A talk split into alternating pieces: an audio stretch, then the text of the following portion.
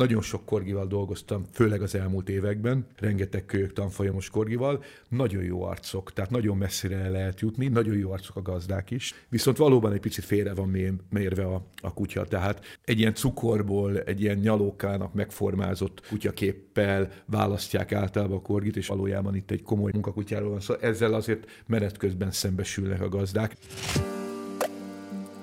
Neked ugatok. Korom Gábor podcastje kutyákról és emberekről.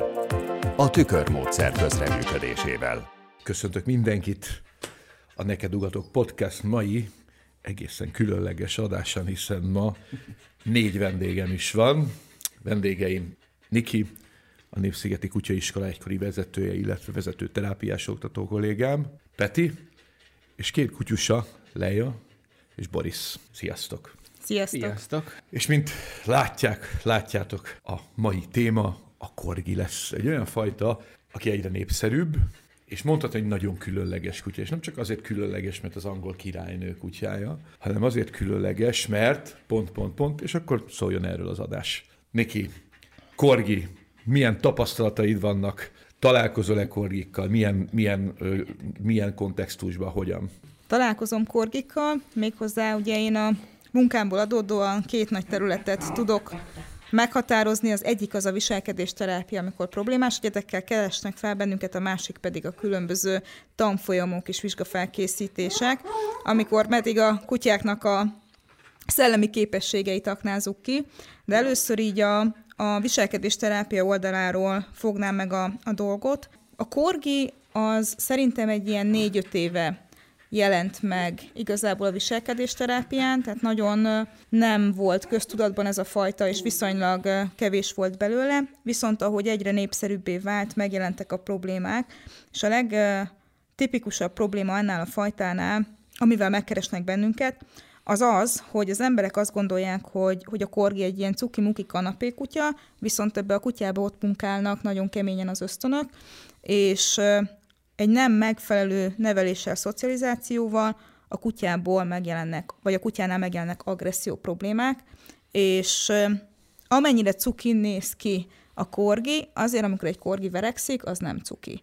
Tehát, hogy ez nem az a fajta agresszió, amikor csak csak oda csattogok a másiknak, hanem ők azért, hogyha belemennek a balhéba, pont az ösztönerősségük miatt, nem fogunk erről beszélni, hogy honnan származik, és mi volt ugye a, az ő feladatuk régen, ők azért elég keményen uh, tudják ezt, a, ezt művelni. Most, most azért sok nézőt hallgatott meghökkentesz, mert a korgi hát az, a, nem cukorból van, és nem, nem vaj, vajként lehet kenyére kenni? Hát sajnos nem. El kell keserítsük itt a, a nézőket, hogyha valaki egy, egy jó kis plüskutyát szeretne maga mellé a kanapéra, akkor nem a korgi a legmegfelelőbb választása, mert hogy ezek a kutyák azért elég nagy ösztönenergiákkal rendelkeznek, és, és feladatorientáltak, tehát nekik is kell valami életmód, amiben kipöröghetik magukat, és, és hogyha probléma van vele, akkor általában ez szokott lenni, hogy, hogy megjelenik agresszió, és különösen egyébként a kan kutyáknál szokott szintén a kank kutyák irányába megjelenni agresszió, tehát nem arról az agresszióról beszélek, amikor csak elcsattogja magától, hanem egy, egy rivalizáció megjelenik a kutyáknál. Ez is ugye azért, mert ezek a kutyák azért elég határozott, elég öntudatos fajták, elég nagy dominanciával is tudnak megáldva lenni, és hogyha két ilyen elég nagy egóval rendelkező úriember összetalálkozik, akkor ott azért abból lehetnek komoly bajok. A korgira ma oktatói szemmel tekintünk, és Peti, te nem vagy oktató, de azért bizonyos értelemben akár már ugye megfigyelőként már vettél részt, már, már, már az oktatásnak azon az oldalán is voltál, hogy ismered az oktatói szempontokat, ezért is esett rád a választásunk vendégként, hát még azért, mert két kutyussal csináltad végig ugye a, a, a, a teljes folyamatot, ugye, mert mind a kettővel járták kölyök tanfolyamra, és kölyök próra is mind a két kutyussal. Pontosabban e, tároddal Évivel igen. jártatok ketten, igen. Igazából a Boris az én kutyám, ő az, akivel én, mint nem is tudom, ilyen elsődleges, igen, mint, mint primer. Őt, őt vállal, őről a, a, a Leiláról az évi tehet akkor. Leilá, abszolút minden évi hibája. nem, tehát így, így osztottuk fel egymás között a szerepeket, hogy én voltam az, aki a Borisszal elsődlegesen foglalkozott, és feleségem Évi pedig a Leilával járta végbe ezt, a, ezt az utat, illetve egyébként mi folytatjuk, folytat, folytattuk, és majd folytatjuk is hamarosan életmódprogramokkal is, mert ugye úgy, ahogy mondtad, azért ez egy nagyon nagy egyéniség egy kis testbe a korgi, szóval neki le kell pörgetni az energiáit, elsősorban a szellemi energiáit, különben azért jönnek az érdekességek. Peti, segíts nekem egy kicsit, jöjjön egy kis Wikipédia, csak egy nagyon-nagyon, egy nagyon-nagyon rövid. Nem egy ilyen teljesen tiszta térkép egyébként, hogy a korgi honnan származik, illetve amit szerintem már most az elején érdemes eldönteni, vagy, vagy tisztázni, hogy ugye a korgi az oké, okay, de igazából van a Pembroke korgi, és van a Cardigan korgi. És egyébként meglepő módon egészen külön vérvonalból, vagy egészen külön háttérrel rendelkeznek. Ugye mi most azok, azok a korgik, amiket mi nézünk, ők ugye a Pembroke Welsh korgik. Ugye a nevébe adódik, hogy alapvetően Walesből ismerik. Egyébként egészen régi fajta, 10.-11. században már ö, tudtak róla, már akkor említés van egyébként erről a kutyáról, és az eredeti foglalkozását tekintve ők marhapásztorok. Úgyhogy ezért van az, hogy azt szokták rájuk tipikusan mondani, hogy azért nagy egyéniség, nagy egó a kis testben, mert azért marha terelésben ott kellett lenni. Fura a testalkatuk, mert ugye egész tömzsik, alacsonyak, rövidlábúak, hosszúak, és ehhez képest mégis hihetetlen agilisek tudnak lenni, úgyhogy bokacsipkedéssel terelték a, a, a marhákat. Ugye akkoriban ö, még nem volt vasút, nem volt semmi úthálózat, úgyhogy amikor a gazdáknak, a marhapásztoroknak el kellett vinni a vására, akkor az akár egy ilyen 100 kilométeres utat is jelentett, és ugye itt jött be a korgi számukra, mint az ottani dimbes, dombos, alapvetően elég nehéz terepre való kutya, és az ő felépítése kiváló segítségként. És ugye ment a pásztor előtte, elől, utánuk mentek a marhák, és a korginak pedig az volt a feladata, hogy két oldalról egybe tartsa, és ugye irányba vigye a marhákat folyamatosan. Vannak olyan mendemondák, hogy annyira okosak voltak ezek a kutyák, hogy mikor megérkeztek a vására, akkor a kutya hazament, és ahol megállók voltak, ugye a kocsmákból, meg a, meg a szálláshelyeken, akkor a kutya oda ment, és ott kapott egy kis ennivalót, amit aztán a pásztor később egyébként szintén hazafel a vásáról kifizetett, és otthon találkoztak a kutyával. Szerintem ez egy nagyon, nagyon szépen leírja. Ha hogy... igaz, ha nem, de a fajtáról jó képet. Na, egyébként jó képet fest, és tényleg intelligens kutyák. Le, le kell őket szellemileg mindenféleképpen kötni illetve ha, ha megengeditek, akkor nekem még egy ilyen nagyon, nem tudom, szívemhez kedves háttérsztorim van a kutyákról, hogy azért Wales bővelkedik mondákban, mondavilágban, és azt tartják a korgikról, hogy ők igazából eredetileg a tündéreknek voltak a hátasai, és csatába is mentek velük, és ugye jellemzően a nyakukon, meg az oldalukon lévő fehér sáv, az gyakorlatilag a tündér nyereg, ami a mai napig látható és azért adták a, a, a tündérek ezeket a hűséges állatokat az embereknek oda, mert amikor letekintettek az égből, és azt látták, hogy az ember egész nap küzd az életben maradásért ezen a nehéz környéken, akkor adtak nekik egy társat, aki segít nekik. Szerintem ez egy ilyen nagyon-nagyon szép mese, megmond a világba való dolog. De ez az idő elmúlt. Nekik már nem kell marhapásztorkodni. Úgyhogy ők családi kutyává át tudtak avanzsálódni természetesen, de attól még ugye, ahogy mondod, az ösztön energiájukat az, az, azt nem dobták le, meg a, meg a nagyon erős szellemi igényüket arra, hogy feladatuk legyen. És ugye éppen ezért, amennyire cukik, Szóval ők nem egy ilyen alacsony költségvetésű kotya, nem pénzben mondom, hanem odafigyelésbe és energiába. Mert ha nem kötik le őket, akkor viszont a minimum a rombolás. Meg ha nem vagy velük egy olyan nagyon szép, szögletes, és megvannak a szabályok, hiszen ugye pásztorkutyák, akkor azért nagyon gyorsan az ember fejére tudnak nőni. Azt lehet látni, hogy egyre népszerűbb, egyre több korgi van. Miért szeretik? Attól Lehetsz tartok, elfogult, Peti? Azt hiszem, hogy el is fog, elfogult is leszek. Kiigazítjuk a Nikivel. hát igen, hál' Istennek, azért itt vannak a szakemberek is kerülettel. Saját történet, hogy én egyáltalán nem akartam kutyát. Engem is, és a feleségem is például, mind a kettőnket kiskorunkban megmart a kutya úgyhogy Isten ments. És akkor egyik nap ültem az irodába, vertem a billentyűzetet, és elszaladt mellettem egy róka. Oda néztem, és ugye életemben akkor először találkoztam korgival, azt sem tudtam, hogy létezik ez a fajta, és egy szerelem első látásra. Ez egy nagyon, ugye most mondjuk ki, azért alapvetően ez egy ilyen felszínes, elsődleges kapcsolódás, nem egy tudatos választás kutatás után. Úgy gondolom, hogy ez egy Én nagyon... ezekben nagyon hiszek. Lehet szidni, e, e, e, de ezek az emóciók szerintem nagyon messzire elkísérnek minket. Hát el is kísértek, mert hogy abban a pillanatban utána nézés, és feliratkoztam egy várólistára, és másfél év után megjött a Boris. Addig nagyon sokszor elgondoltam, hogy biztos kell nekem kutya, úgy döntöttem, hogy igen, azzal a feltétellel, hogy azonnal iskolába viszem. És ugye itt találkoztunk már kölyökként, 12 hetes kora óta, ugye ezért Boris az aktívan iskolázik. Szóval szerintem a népszerűségének az egyik pillére mindenképpen az, hogy borzasztóan cuki. Tehát nagyon gyorsan bele lehet szeretni a testalkatába, a pofájába, meg az, hogy egy nagyon-nagyon kedves, barátságos, egy ilyen nyílt kutya az emberekkel. Mindenkihez oda megy, akár kéretlenül is, hogy szia, adjál simit, mert én szép vagyok. Ez azért sok embert le tud venni a lábáról.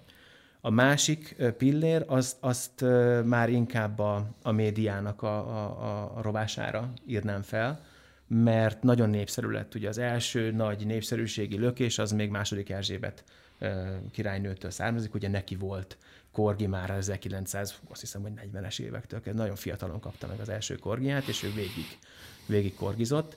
Aztán pedig jöttek ugye a különböző nagyon szép rajzolt figurák, meg emojik a Facebookon, aztán pedig jöttek a mesefilmek, a Disney-től szintén, ugye a királynő kutyája, beívódott a köztudatba. Amerikában lehet látni, hogy ott például egy ilyen, nem tudom, tíz év leforgása alatt az ismeretlenből a top 10-nek a tetejébe érkezett be a korgi, mint, mint népszerű fajta. Úgyhogy ö, alapvetően ez. Viszont ugye ez még mindig csak külsőség, azt meg nagyon könnyű rá aggasztani egy kutyára, hogy hát szereti az embereket. Persze, ösztönétől fogva ő mindig is együtt akart működni az emberrel, ő, ő például nem szeret egyedül lenni. Korgit 5-6 óránál tovább nem, nem annyira jó ötlet magára hagyni, nem, nem bírják. Ott kell lenni.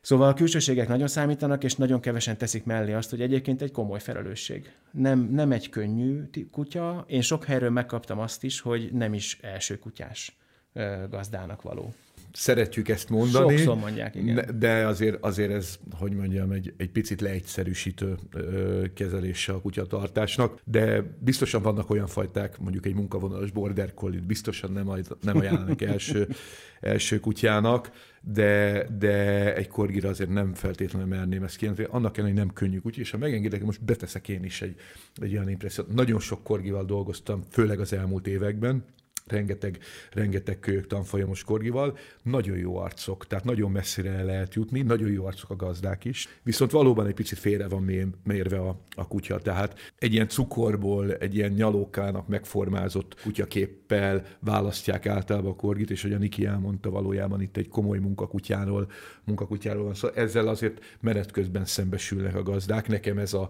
nekem ez a benyomásom, tehát tehát abból a, abból a tapasztalati állományból, amivel én találkoztam, abból ez jön le.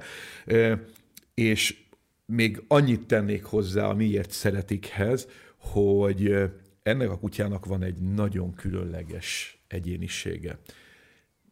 Minden kutyára elmondható, és minden kutyára is fogom mondani majd a, a saját különleges e, sztoriát, de itt a korginált kétségtelenül megvan az, hogy valahogy úgy tudnám jellemezni őket, hogy mimóza. A mimóza, a mimóza itt annyit tesz, hogy, hogy kéeleg a szeretetben, aztán ha valami nem úgy történik, ahogy ő azt szeretné, akkor egyfajta sértettséggel konstatálja ezt, és ebből rendkívül vicces helyzetek tudnak előkerülni. Most éppen a, a legfrissebb ilyen, ilyen sztorim, hogy járnak hozzá most is tanfolyamra egy kis korgival, és tárgyhoz kiküldés, irányítás gyakorlatot gyakorol a gazda, ahol a feladat az, hogy három másodpercig kell kint feküdni. És nagyon lelkes, nagyon szeret a gazdával együtt dolgozni, kimegy, de most olyan vizsgaszerű gyakorlás volt, és, és a három másodpercet kérte az oktató, hogy most már tartsuk ki. A kutya kiment, és jellemző a tanítás során egy másodperc után leszokták okézni.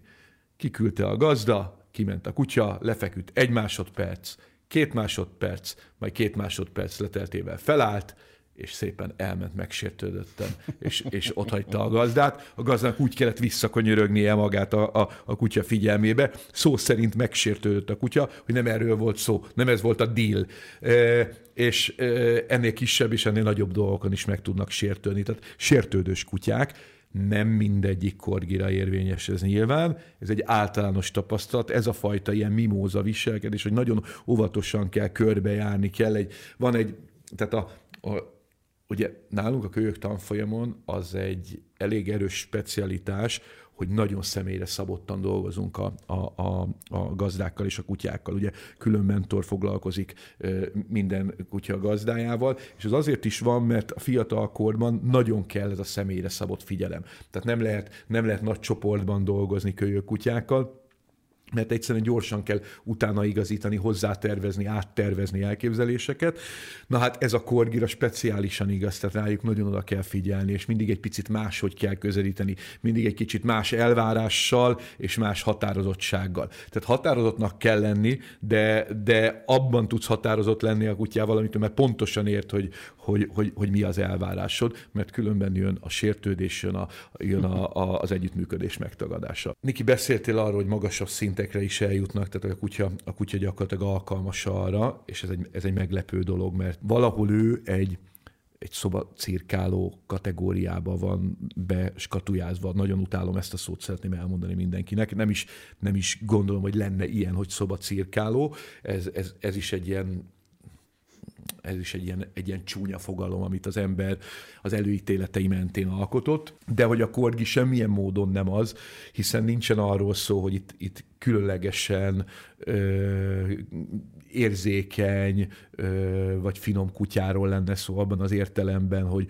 hogy nem bírja a, a, a, a környezeti terhelést, mert a kutya bírja, és bár van érzékenysége, de ez tulajdonképpen rajtam múlik, hogy, hogy, hogy a kutya mennyire érzékenyedik fel, vagy mennyire lesz tapabíró, és akkor itt jön be a képbe az, hogy kiderül, hogy, hogy gyakorlatilag minden előzetes előítéletek ellenére nagyon magasra el lehet jutni a, a, a korgékkal is. Igen, itt viszont én egy nagyon picit vitatkoznék ezzel az érzékenységgel, mert szerintem a korginak picit a sértődése és sértődékenysége az az érzékenysége olyan szempontból, hogyha ő nem ért valamit, és, és ezzel vagy ellentétes utasítást kap, amit eddig megszokott, az nem is feltétlenül, én azt mondom, hogy úgy megsértődik rám, hogy beint és elment, hanem elmegy, hanem a kutya képes ettől összeomlani, befrusztrálódni, tehát nem, nem az a fajta, nem dolgozok veled, hogyha többet vársz el, nem dolgozok veled, hogyha többet vársz el tőlem van, hogy beintek, és azt mondom, hogy akkor dolgozzál egyedül, hanem, hanem picit van bennük egy olyan fajta érzékenység, hogy úristen, én azt most nem értettem, úristen, akkor én most nem csináltam jól, és akkor köszönöm szépen, inkább elmegyek.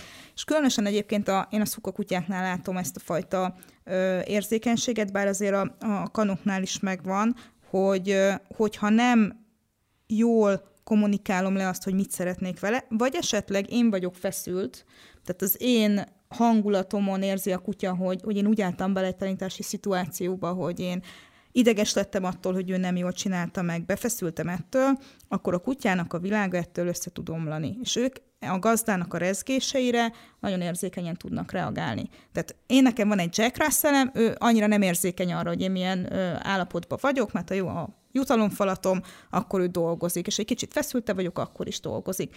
Van egy érzékeny kutyám is, aki viszont, hogyha érzi, érzi rajtam, hogy feszült vagyok, akkor, akkor inkább, inkább elmegy a szituációból, és én ezt, ezt látom a korgiknál, nagyon-nagyon-nagyon szeretnek dolgozni, és, és egyébként meg így összességében egy nagyon jó pufa kutya.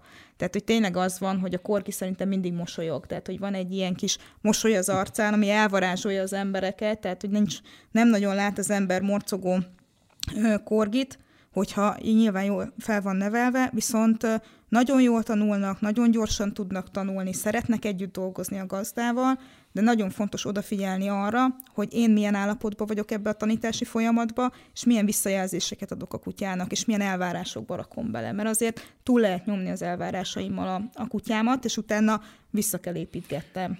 Itt, bocsáss meg, Niki, egy, mm, teljesen rosszul fogalmaztam, mert hogy nem fogunk ezen semmiképpen vitatkozni, mert teljes, abszolút egyetértek veled. Ugye a mimózasság az, az én értelmezésemben pontosan erre utalt. Tehát a, a korgi valójában egy hiperérzékeny kutya, és az értésre hiperérzékeny. Mindent érteni akar, ami, amit ért, az abban nagyon erősen helytáll, de hogy amiben nem ért, abban hiperérzékeny. Amire gondoltam, hogy nem érzékeny, hogy gyakorlatilag nagyon jól elbírja a terhelést, tehát... Környezeti bár, ingereket, tehát, így tehát, tehát, tehát nagyon jól tudja kezelni a, a környezeti terhelést, meg, meglepő módon annak ellenére, hogy egy olyan kasztba van betéve, amelyre az a, az a sztereotípia, hogy, hogy nagyon érzékeny a, a külvilágra.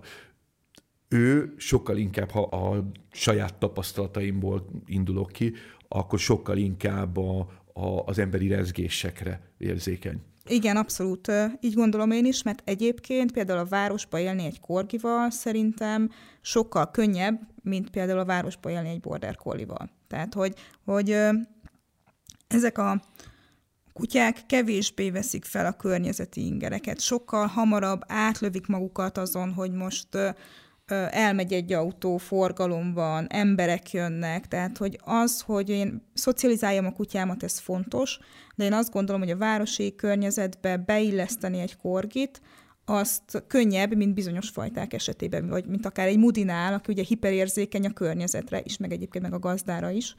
És valószínűleg ezért is tudott a korgi teret nyerni, elterjedni, egyre több családba beférkőzni, a városokban megjelenni, mert gyönyörűen alkalmazkodik hozzá, tehát csodálatosan tud alkalmazkodni hozzá. Ráadásul egy olyan kutyám van, aki méretbe is ö, könnyű vele együtt élni, tehát azért ilyen kompakt, fel tudom venni, be tudom vinni, beviszem az étterembe, akkor mosolyognak rám, ugye bemész egy kaukázuséval az étterembe, akkor nem biztos, hogy mosolyognak rátok, mert az már egy nagy kutya, a járókelők azok mosolyognak rá, mert hát annyira aranyos, tehát hogy egyszerűen ilyen jó vele együtt élni a, a városba, Viszont nem szabad elfelejteni azt, hogy, hogy ők honnan jöttek, hogy ők azért mégiscsak marhapásztorok, tehát akkor tudok jól együttműködni, hogyha kiaknázom a lehetőségeiket. És valóban a környezeti ingerekre kevéssé érzékenyek, a gazdára nagyon, illetve azért megjelenik náluk a zajérzékenység is, tehát azért ilyen hirtelen erősebb hanghatásokra össze tudnak rezzenni, de nem, nem olyan extrém módon. Tehát én azt gondolom, hogyha valaki odafigyel a, a szocializációra, akkor, akkor egy probléma mentesen lehet egy korgival a városba élni, hogyha megvannak az ösztönenergiáknak a levezetései. A Porisszal mi városba kezdtük, lakásba, és az égvilágon semmi baja nem volt, esténként nagyon szeretett kimenni a teraszra hallgatózni, és kész. A Leila, ő már családi házba érkezett, ugyanúgy jól van a Boris is, a Leila is, köszöni szépen. Ami nekik fontos, hogy ha aki, aki a gazda, akkor azért az ott legyen a környéken, vagy ők legyenek ott a gazda környékén. Mert szeretik ugye ezt a fajta közelséget, utána békések. Az a érzékenységet én sem tapasztaltam, ugyanakkor viszont meg nagyon jó kis fülük van, és volt egy másodlagos feladatuk, annó még Velszben, az pedig az, hogy nem csak tereltek, hanem azért az otthont, azt védték, nem őrzővédő kutyák.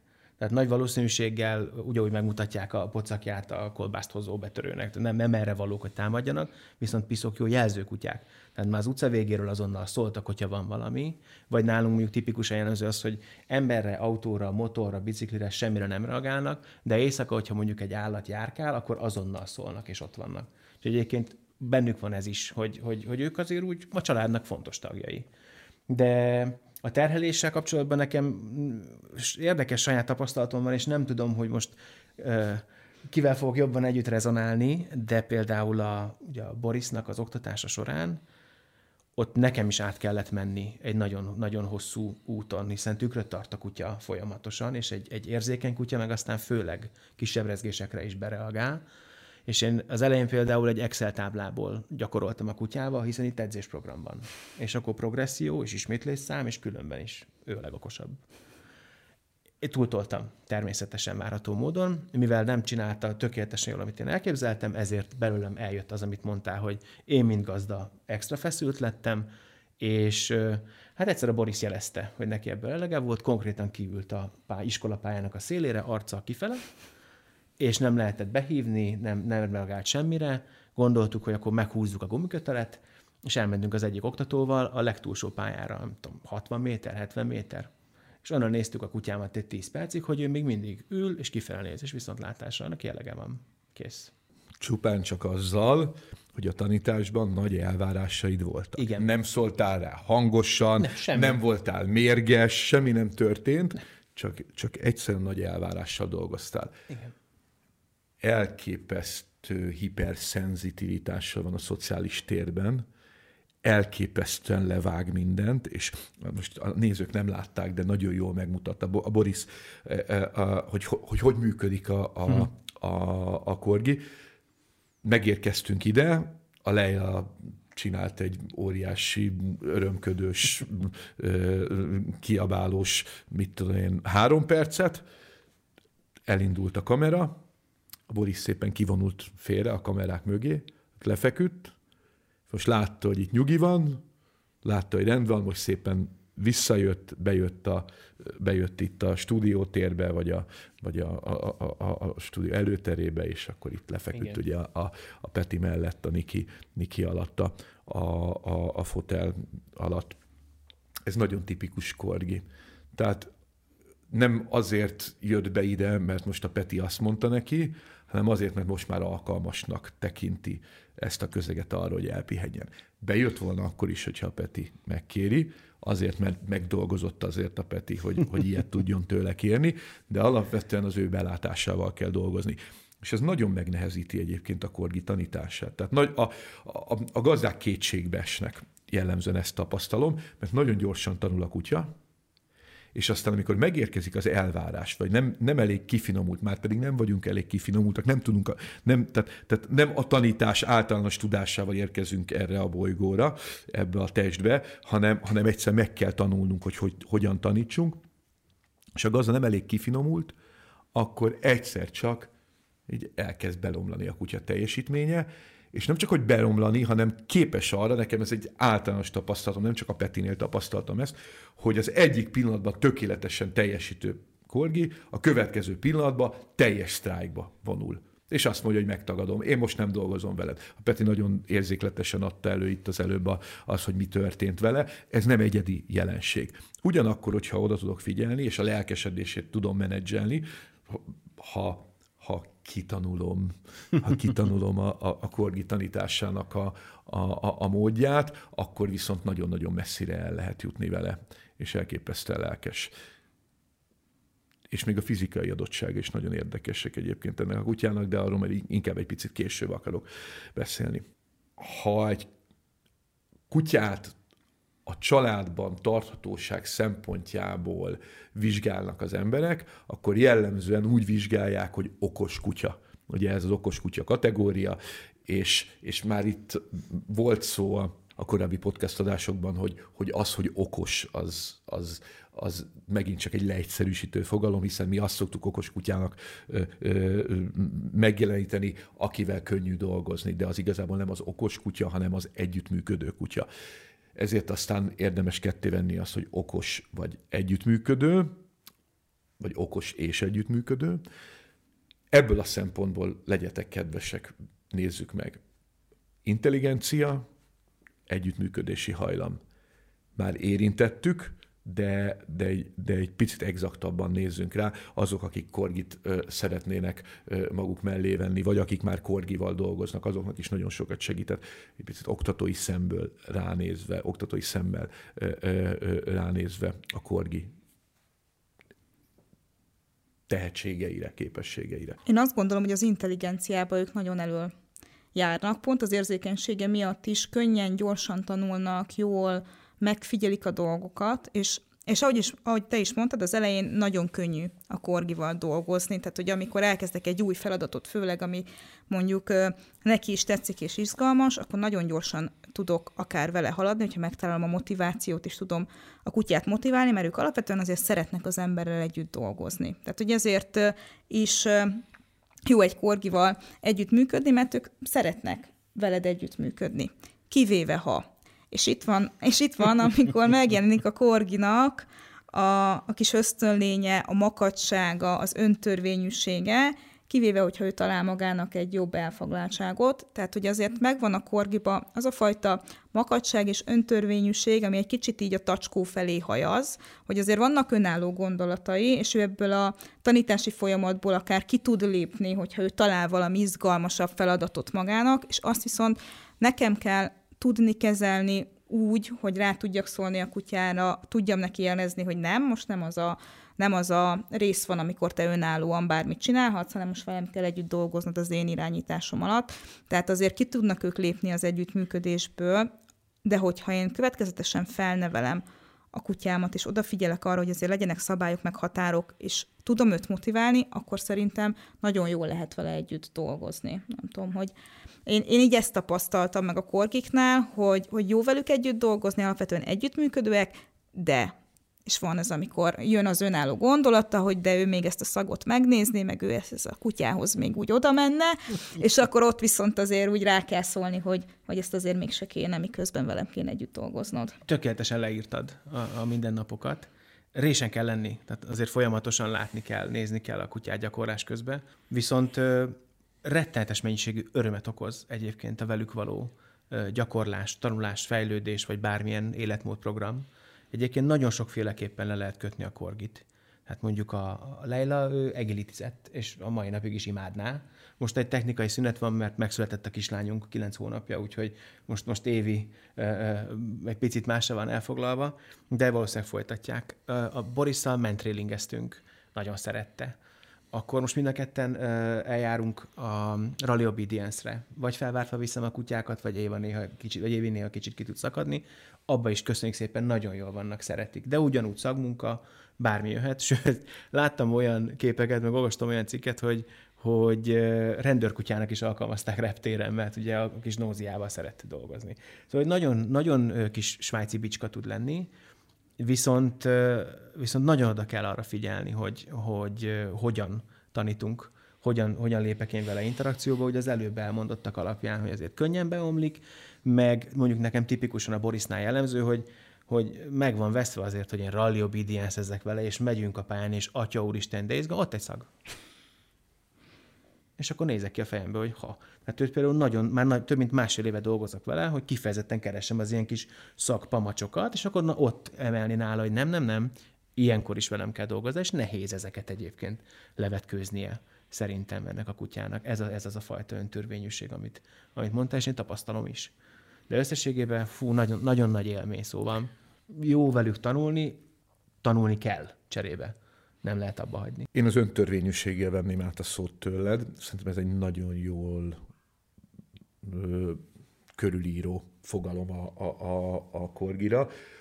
De, de nem abban az értelemben, hogy nem szeret a gazdával együtt dolgozni, hanem, hanem tulajdonképpen megvannak az elképzelése a munkáról, és akkor addig, amíg, a, addig, amíg az ő elképzelései szerint folyik a munka, addig együttműködő, és amikor nem az ő elképzelései szerint folyik a munka, akkor az együttműködés egyik pillanatról a másikra lekapcsol. És, egy, és a, van egy nagyon fontos példám, hogy úgy működik egy kutya, hogy a terhelhetőségét mondjuk egy, egy töltés tetejének kell tekintenünk, és a, az egyik oldalon van az, amikor a kezelhetőség miatt zuhan le, a másik oldalon pedig van az, amikor mondjuk a, az érzékenység miatt zuhan le a kutya, valamilyen érzékenység miatt zuhan le a kutya. És egy normál kutya esetében így néz ki. A töltés van egy biztonsági területem, ahol a kutyával együtt tudok dolgozni, és az a korginál egy viszonylag szűkebb. Nem olyan szűk, van, van néhány fajta, akinek ez egészen beszűkül ez a, ez a töltés, de egy kisebb mozgástérben dolgozok. Tehát nem tudok nagyot tévedni. Ne, bocsánat, tudok nagyot tévedni, nem tévedhetek nagyot, mert különben elveszítem a kutyát. Tehát a német juhász kutya mágiája, a labrador mágiája, hogy marha nagyokat lehet tévedni. És a kutya akkor is rendelkezésre áll. A border collie is nagyokat lehet tévedni. Nem akkorát, mint a labradornál és a, a, a, a német juhásznál mondjuk, de, de, de még a border collie is nagyot lehet tévedni. A korgi nem ad lehetőséget tévedésre. Mindig tűpontosan adekvátnak kell lenni. És ez most egy picit exaktabban elmondva az, amit korábban korábban is mondtam, hogy nagyon fel kell tanulni azt, hogy hogyan kell, hogyan lehet motiválni egy korgit. Van egy olyan tapasztalatom, hogy a gátlást nagyon nehezen bírják és értik. Ez nem fizikai gátlásra gondolunk, hanem egyszerűen csak, csak hogy nem úgy történik valami, mint ahogy ő szeretné. Tehát nehezen, nehezen ö, tud mit kezdeni a gátlással, és ezt kondicionálni kell, hogy ne vigye el mindig ugye a szag a munka közben, ne vigye el az ösztön munka, ne a, ne a saját feje után menjen, tudjam gátolni a kutyát. Külön kondicionálni kell kölyök kortól a korgit a gátlásra. A falatot csak akkor veheted el, ha azt mondtam, hogy tied. Nem kapod meg, becsukom a kezem, nem, megvárom, amíg, amíg elengeded, amíg nem vagy türelmetlen, kinyitom, és el akarod venni, megint becsukom. és csak akkor verted el, hogy a tiéd. Ez egy egyszerű gyakorlat, egy egyszerű, egyszerű gátoltetetés gyakorlat. Ezt egy korgival nem lehet így megcsinálni. Sok sikerélménnyel, sok kajával, finom gátlásokkal lehet megtartani azt, hogy, hogy utána egy erősebb gátlást is elbírjon a kutya, mert különben megsértődik és kivonul onnan így tudnám talán jellemezni azt, hogy a korginak milyen viszonyon a gátlás, és ez nagyon benehezíti a, a gazda együttműködését. Tehát nehezen gátolható kutya, és éppen ezért kulcsfontosságú, hogy a gátlás értelmezést kölyökkorban már ügyes gyakorlatokkal felhúzzuk nála. Az a tapasztalatom, hogy legjobb, legkönnyebb tanítani a flegmatikus kutyákat. Azért, mert hiperaktivitással nem írják fölül a gazda tempóját, azért, mert hagynak időt, lehetőséget a magyarázatra. Ezért a flegmatikus kutya bár nem annyira gyorsan tanul, mint egy szangvinikus vagy egy kolerikus kutya, de összességében mégis ő, ő tanul a leggyorsabban. Nagyon pontosnak kell lenni, mind a szangvinikus, mind a kolerikus kutyák esetében. Szeretném megjegyezni, hogy nincsenek tiszta ö, temperamentum kategóriák, ezek a kezelhetőség miatt érdekesek inkább. Na most, a korgi jellemzően a tanítási interakcióban flegmatikus kutya, tehát hagyja a vezetést, enged magyarázni, és ott árnyalódik be, és ott nehezedik be a kép, hogy oké, okay, ez így rendben van, amíg motivációban tudom tartani, de ahogy a motivációból kiesik, például azért, mert kap egy szagot, valahonnan, máshonnan, vagy valami érdekes történik, vagy, vagy, vagy azért, mert a motivációm lassan elkezd elfogyni, onnantól kezdve a kutya már nehezen visszahozható. Tehát nagyon-nagyon sokat kell érte dolgozni. Tulajdonképpen egy picit féltékenyé kell tenni őt arra, hogy dolgozhasson velem. Fel kell húzni úgy a munkát, hogy ő neki az egy, az egy kegy legyen, hogy, hogy dolgozhasson velem. Erre mi, a tanítás során külön, a, a korgékkel külön figyelmet kell fordítani, hogy az nem jár csak úgy magától, hogy dolgoz, dolgozunk. Egy border collie ilyesmivel nem kell, sőt, nem is javasolt foglalkozni. A border collie mindig örül. A német juhásznál és a, és a sok-sok-sok-sok, most nem, nem sorolom a fajtákat, de a, a korginál az, az egy kegy kell, hogy legyen, hogy én foglalkozhatok vagy, vagy hogy én foglalkozom veled. Ez egy jó attitűd, ezzel gyakorlatilag egy picit meg lehet szélesíteni ezt a töltést, több hibát elbír a kutya, és a, a, a, ha nem jól adagolom a tanításnál az elvárásaimat, ha nem vagyok annyira türelmes, mint amit kér a kutya, akkor is jobban, jobban bírja. Tehát itt a motivációt így kell fenntartani. Ez, nekem ez egy, egy, egy ilyen praktikus észrevételem a, a, a korgi tanításánál. Ez nagyon-nagyon érdekes, amit mondasz, mert ugye első kutyás gazdaként nyilván közel sem annyira tudatos valaki, vagy én legalábbis nem vagyok annyira tudatos magában a tanításban, vagy a kutyával való együttélésben. És nagyon, nagyon, nagyon jól leírtad azt, hogy mondjuk nekem emberként mind kellett átmenni ahhoz, hogy szépen rendeződjön a kapcsolatom mind a két kutyával. Mert az elején ugye szintén egy kicsit ez a fajta felszínesség, ami jellemző volt rám, hogy édes Isten, de cuki ez a kutya, meg hát Jézus Mária milyen okos is, tanítsuk rommá jó, gyerünk, gyerünk, gyerünk, mindig tanítsuk, mindig tanítsuk. És akkor egyszer csak azt mondta nekem a korgi, hogy eh, nincs kedvem. És akkor ennyi volt. És nekem meglépni azt gazdaként, hogy nem, nem, nem, nem, nem. Én mondom meg, hogy mikor tanulunk, és az legyen egy kiváltság, az gyakorlatilag, nem tudom, tízszeresére növelte a kutyámnál a tanulási vágyat, meg az együttműködési vágyat, és onnantól kezdve már minden nagyon izgalmas volt, és minden nagyon jó volt. A mai napig rosszul esik nekem azt látni a, fejükön, hogy hát ők még, ők még, még mész el, még. És meg kell húzni bizony a vonalat a játékban, a, a sétában, a tanulásban, mindenben, mert, mert hogy azt akarják, hogy ők irányítsanak. Ez ugye, a, ugye az akaratosság, hogy majd én megmondom, hogy meddig sétálunk gazdi, és amíg ezt sikerül rendbe rakni, hogy nem, nem, nem, én mondom meg, azért az egy, azért az egy lelki út. Cserébe viszont a kutya az, az nagyon szépen át lényegül abba, hogy hát te vagy a gazdám. És szerintem ez egy nagyon-nagyon izgalmas És milyen már az, amikor a, a, tehát minden jó, minden rózsaszín, minden szuper, és akkor most abba adjuk, és, a, és az a fej, amit egy korgi tud vágni, Á. a világ vége van. Komolyan? Most így? Igen. A farka egy helyzetjelző. És hogy azért akartam ezt még felhozni, vagy azért akartam erre rákapcsolódni, nagyon nagy élmény volt számomra, amikor sikerült megugrani ezt, hogy gyakorlatilag átvettem az irányítást, és én nekem itt lépett át a tudatosságom is gazdaként egy olyan fázisba, hogy már nem a cuki-muki zöldborsó kisasszonyt láttam magam előtt, mert hiába nagyon aranyos és szép és gyönyörű kutya, kutya.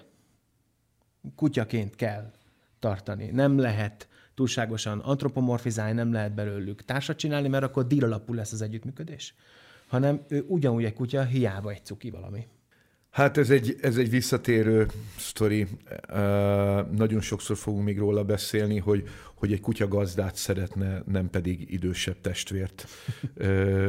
egy kutya határokat kér tőlünk, nem pedig, nem pedig korlátlan szabadságot, és nem is alkalmas úgy egy kutya együttélésre, hogy, korlá, hogy nem korlátozzuk egyszerűen azért, mert nem a kutya alakította ki ezt a világot nekünk embereknek, hanem mi emberek alakítottuk ki a kutyának, és a kutyát, hogyha nem a mi ö, moralitásunk, a mi környezetet átlátó ismeretünk vezérli, akkor, akkor bekapcsol az ösztönvezérlés, ami bizonyos esetekben a környezetre, de akár a kutyára saját magára is veszélyes lehet most messzebbre nem mennék ki, hiszen erről más adásokban beszélgettünk, úgyhogy tessék szíves lenni, megnézni más adásokat, ahol erről beszélgettünk, de hogy igen, ez egy fontos momentum. Én még annyit hozzátennék a, az érzékenységhez, meg a gátláshoz, amiről ugye beszéltünk, hogy milyen nehéz kialakítani, hogy nyilván minden kutyánál fontos az, hogy tisztán és egyértelműen kommunikáljak vele. De én azt gondolom, hogy pont a, a gátlásértése és az érzékenysége és a sértődékenysége miatt az a korginál extrán fontos az, hogy én egyértelműen tudjak vele kommunikálni. Tehát ott nem fér bele az, hogy, hogy, hogy úgy dicsérem, hogy, hogy rosszul mozgok, vagy úgy szidom le, vagy utána nem oldom ki. Tehát, hogy nagyon oda kell figyelnem arra, hogy amit én, én le akarok vele kommunikálni, az tényleg a testem, a hangom, a mozdulataim egyértelműek legyenek a kutya számára, mert ha nem vagyok vele neki egyértelmű, akkor pont az érzékenysége, meg a sértődékenysége miatt a kutya befrusztrálódik, és akkor abból ugye még nehezebb lesz majd kiszednem. Tehát még ezt én így hozzátenném, hogy azért erre nagyon kell figyelnem, hogy, hogy egyértelmű legyek vele azért csak, hogy érezzük a gátlás érzékenység, hogy miről van szó. Tehát valahol ezt úgy kell megérteni, hogy, hogy mondjuk van egy beígért jutalom egy tanítási interakcióba, és hogyha ezt nem kapja meg időbe, már arra is érzékeny. Tehát ne, ne olyasmire gondoljunk, mert nem arra érzékeny, hogy, hogy, hogy durván rászólok, arra is érzékeny, hanem arra, hogyha nem jut hozzá a, a, az ígért jutalomhoz sem időben. De hogy nem az a megoldás, hogy, hogy akkor több jutalmat adok neki, hanem az, hogy kondicionálnom kell, tudnia kell várni, meg kell tanulnia az, hogy teljesíteni kell, és legelsősorban ő miatta. Viszont most átugranék egy másik témára. Korgi agresszió viselkedés fizikum. Sok korgi agresszióval lehet találkozni. Nyilván azért, mert most már, nagyon, most már egyre több korgi van, de meglepő módon, meglepő módon sok korgi agresszióval lehet találkozni.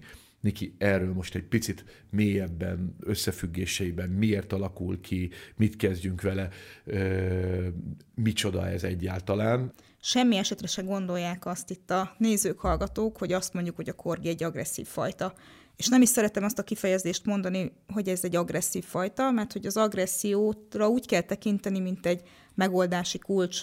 Egy bizonyos konfliktust a kutya az agresszióval old meg. És hogyha visszatekintünk arra, hogy ők egyébként honnan származnak, és belegondolunk, hogy ezzel a fizikummal nála jóval nagyobb állatokat kellett terelni és csipkednie, akkor ott ugye, hogyha a bika szembefordult vele, vagy ha marha szembefordult vele, akkor ott igenis azt agresszióval kellett megoldani. Tehát ott az fért bele, hogy belecsipek az órába, belecsipek a lábába, és hogyha a bika vagy a, a szarvasmarha továbbra is jön felém, akkor még erősebben fogom ezt csinálni. Tehát ott nem fért az bele, hogy a kutya kiforduljon ebből a szituból, mert ha ő ott hagyta a marhát, akkor nyilván azt a kutyát leselejtezték, tehát azt a vérvonalat nem vitte tovább. És ez most is benne van a korgiba, hogy vannak olyan helyzetek, amikor ő a feszültségeket, például, hogyha két domináns kan összetalálkozik, akkor ők viszonylag hamar előveszik az agressziót, mint megoldási kulcsot, tehát hogy ő úgy fog viselkedni, hogy oké, okay, összefeszültünk, ő se fordul ki, én se fordulok ki, ezért akkor előveszem az agressziót, hiszen az jön az ősi ösztöneimből, és mivel az is benne van, hogyha a másik nem adja fel, akkor még jobban bele kell magam ebbe vinni, ezért mondtam azt, hogy elég erőteljesen ö, tudnak verekedni, tehát hogy amikor a korgik összeverekednek, akkor azt nem úgy kell elképzelni, mint egy ilyen kis szöszmösz harcot,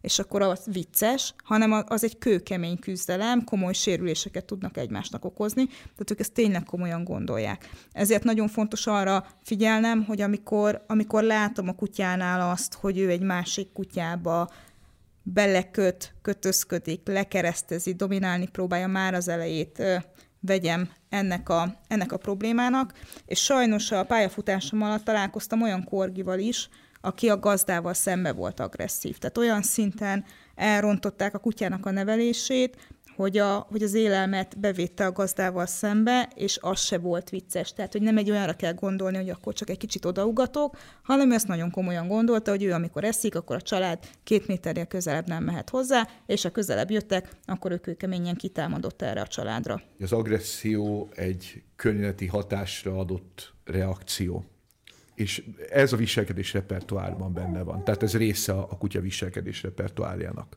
Amikor arról beszélünk, hogy agresszió hajlam, akkor arról beszélünk, hogy, hogy a kutya mennyire hajlamos ezt az eszközt elővenni.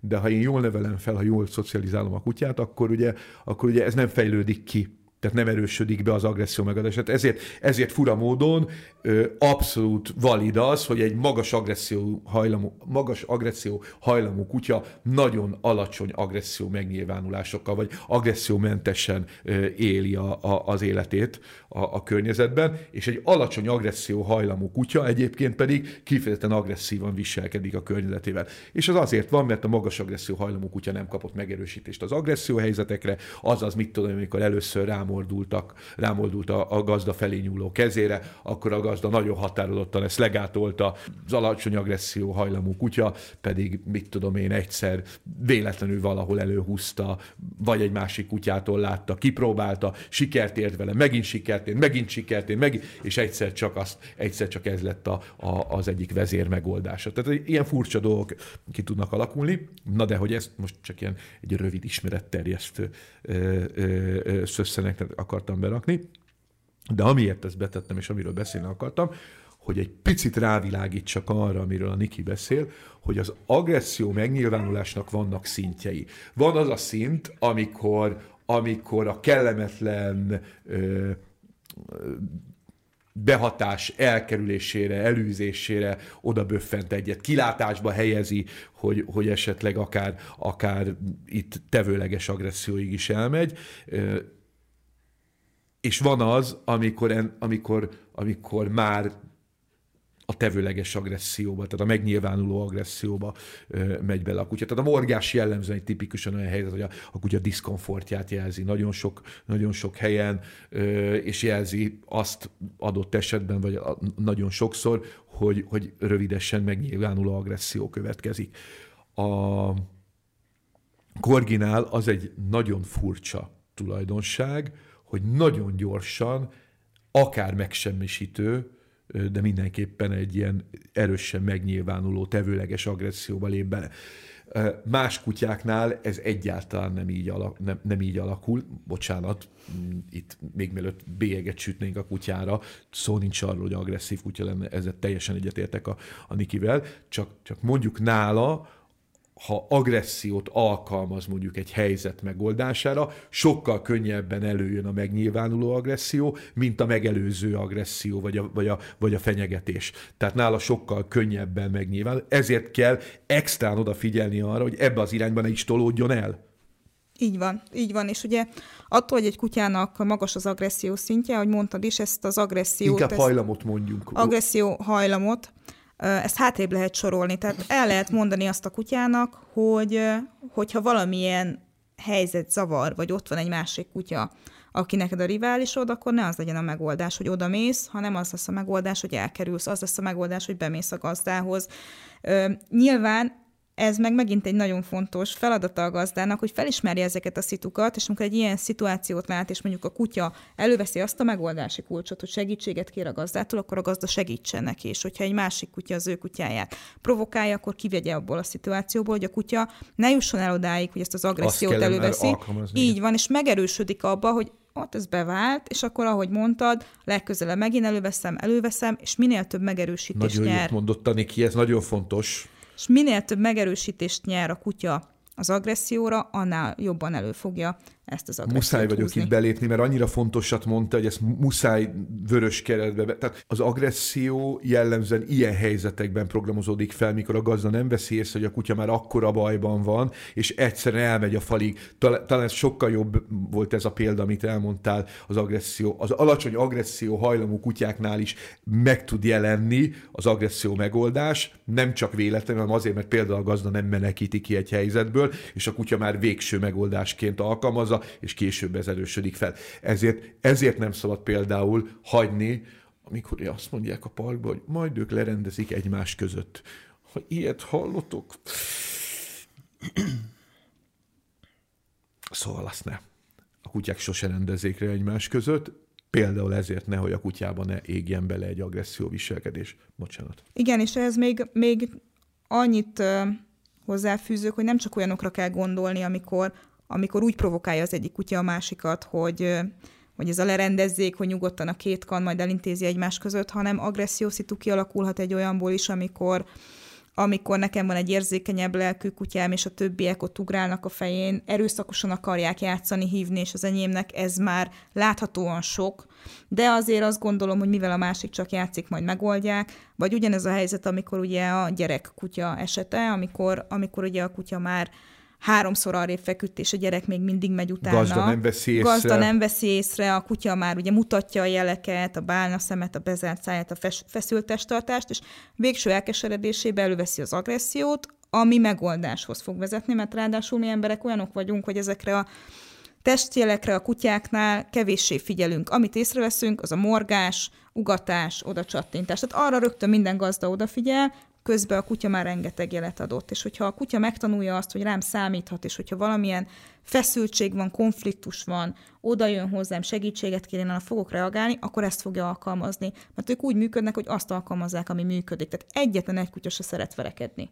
Az egyetlen egy kutyának se jó. Tehát, hogy ők ezt alapvetően nem akarják, mi kényszerítjük bele a kutyáinkat ebbe a helyzetbe. És ugye a korginál annyit lehet hozzátenni, hogy ha ő viszont egyszer eljut oda, hogy verekedjen, akkor ő azt véghez fogja vinni. Tehát, Akkor hogy kiderül, ő, hogy nem igen, társasági kutya, hanem A testalkata egyébként attól függetlenül, hogy mondják, hogy vicces, azért, ha megnézzük, rövid tömzsi, de igencsak erős lábai vannak elől-hátul. Van egy nagy, széles melkasa, egy, egy, egy komoly bordakosara, egy jó vastag bundája, és egyébként egy szép állkapcsa is, szóval azért nem egy vicc kutya. egy nagyon komoly fizikumú kutya.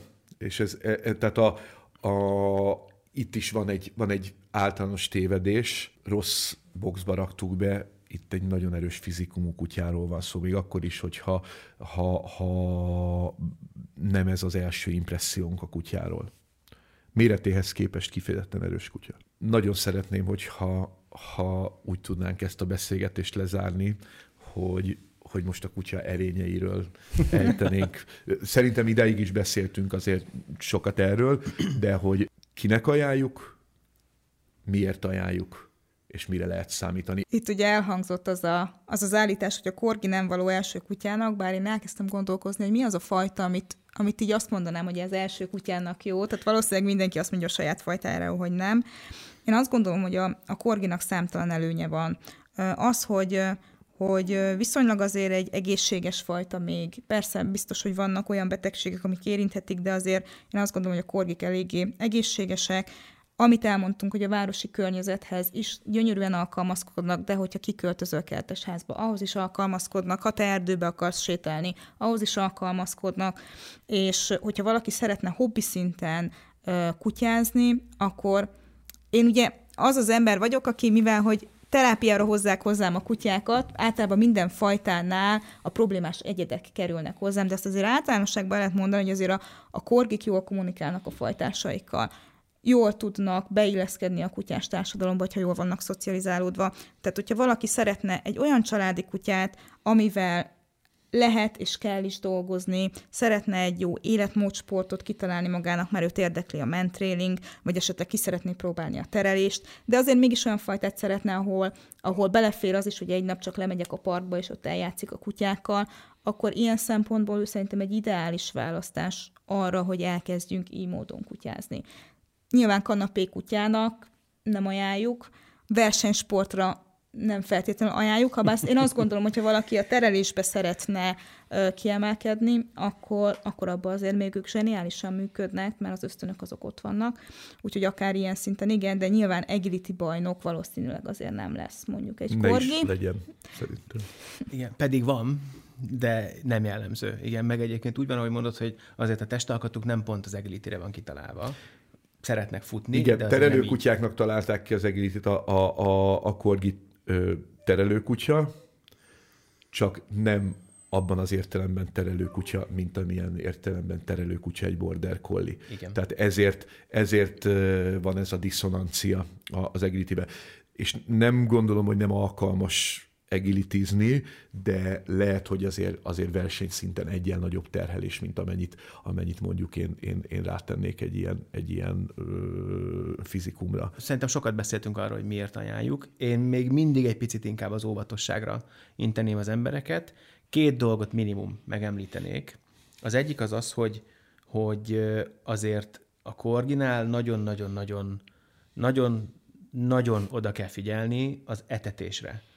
Az nem vicc. Ugye a testalkata miatt, hogyha elkezd elhízni, rrrt, már rodjan is befele a gerince, jönnek a problémák. itt, tehát ez megint egy vörös, e- egy vörös négyzetes kijelentés, tehát hogy általában a túletetés, a túlsúly minden kutyánál fölösleges terhelést okoz. De vannak olyan fajták, a hosszú gerincű és rövidlábú kutyák főleg, akiknél a túlsúly extrém terhelést ad. Nyilván itt most tacskóra gondolunk, de a korgi, a korgi esetében, vagy mondjuk egy, egy basset hund esetében egy, egy durva túlsúly, az, az sok-sok évet elvehet a kutya életéből. Igen, igen, nagyon leborotválja a várható életkorát. Szokták mondani, hogy a korginak nem gyomra van, hanem egy fekete lyuk. Ott, ott addig eszik, ameddig lát, és hogy bele kell számolni a tanulás során a jutalmazást is. Tehát én a mai napig egy, egy konyha mérlegen grampontosan mérem ki a, a, az ételét, mert ha szó szerint, ha 5 grammal eltérek felfele, akkor egy hónap múlva azt teszem észre a kutyám, hogy huha, felment. Nettó 5 grammot naponta beépít. 5 gram. Tehát, hogy én- a, a korgit én azoknak ajánlom, akik képesek megállni, hogy nagyon cuki vagyok, tetszik, ahogy főzöl a konyhába, mit adsz? Ilyen nincs. Van a kaja, és kész. Tehát nincs etetés az asztalnál, meg a konyhába, meg lehulló dolgok. Erre nagyon oda kell figyelni. Ez, ez, ez sarkosságot kíván. A gerincén kívül még azért ott van a diszplázia is azért, ami ugye jellemző tud lenni a korgira, szóval vigyázni kell a kis testalkatukra, akármennyire erősek. A másik, hogy, hogy el kell fogadni azt, hogy a korgi vedlik. Nyilván van a két időszak, amikor akkor nem vedlik, hanem gyakorlatilag születik egy kis korgi, mert lefésülöd, és ott egy ugyanakkor a méretű szörhalmaz mellette, tele van az internet ilyen fotókkal. Megjegyzem, ez nem csak a korgire igaz, tehát Igen. évente kétszer én is egy kaukázusit kidobok a kukába. Hát akkor igen. De hogy ők folyamatosan 365 napban azért mindig hullatják a szőrüket, úgyhogy ezt el kell fogadni, hogy a bútor, a ruha, a valami, a, ilyen.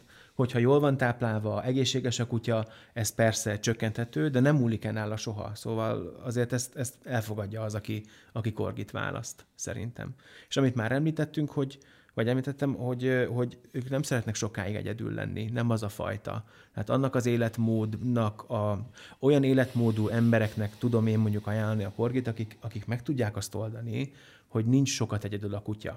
Ökölszabály szerint a felnőtt korgi, hogyha minden rendben van, akkor mondjuk egy ilyen 6 óra hosszát oké, okay, hogyha egyedül van. Nyilván nem az lesz, hogy akkor azonnal átmegy egy dühöngő állatba és szétszedi a kanapét, de egész egyszerűen nem így vannak programozva, szeretnek a gazda körül lenni. Egyébként, hogy miért ajánlom, hát nekem hatalmas szerelem azóta is, és ö, 15 éves vállalás jó esetben, és minden napért én hálás vagyok, amiket velük töltetek.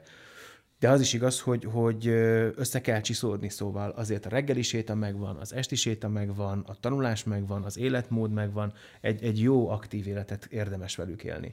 Ez egyébként nekünk emberként is nagyon jó.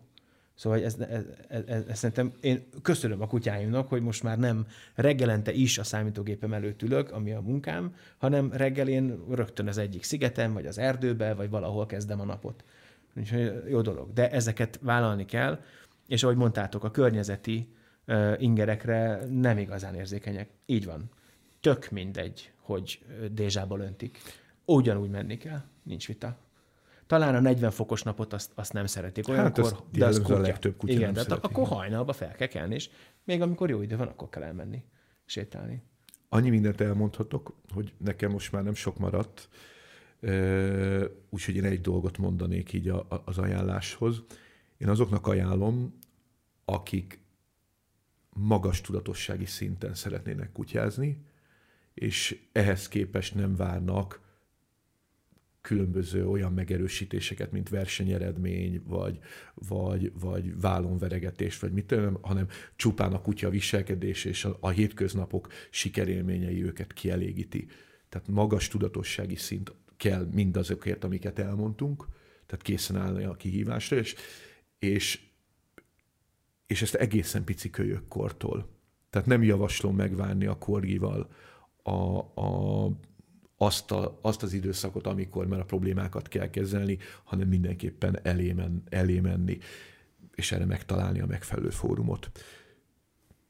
Ők lesznek jó korgi gazdák, de én azt gondolom, hogy, hogy a, a kutya rengeteg kárpótlást ad ezért a plusz energiáért. Ezt szerintem a Petinek a, a, a, a lelkességéből is lehetett tapasztalni. A Peti igyekezett csupa rosszat mondani idézőjelben, tehát inkább elvenni a kedvünket a korgitól, de közben azért nagyon jól kihaladszott, hogy, hogy milyen, milyen szerelemmel, illetve milyen lelkesedéssel beszél a fajtáról. Alapvetően ezt tapasztalom. Tehát a, ugye jellemzően azokon a gazdák, a kölyök tanfolyam révén azokkal a gazdákkal találkozom össze, akik magas tudatossági szinten dolgoznak a kutyával. És, és azt mondhatom, hogy, hogy, hogy nagyon nagy sikerélmény egy korgival megmászni ezeket a, ezeket a csúcsokat. Drága Niki, drága Peti, nagyon szépen köszönöm, hogy eljöttetek. Rengeteget segítettetek szerintem azoknak, akik, akik korgin gondolkodnak, de szerintem azoknak is, akik nem értették, hogy mi a baj, mert, mert, hogy, mert hogy annyi mindent, annyi mindent sikerült szerintem itt megvilágítani, és ha bármilyen észrevételetek van, osszátok meg velünk, írjatok kommenteket. Köszönöm, hogy itt voltatok velünk. Niki, Peti, köszönöm. Köszönjük, Köszönjük szépen. szépen.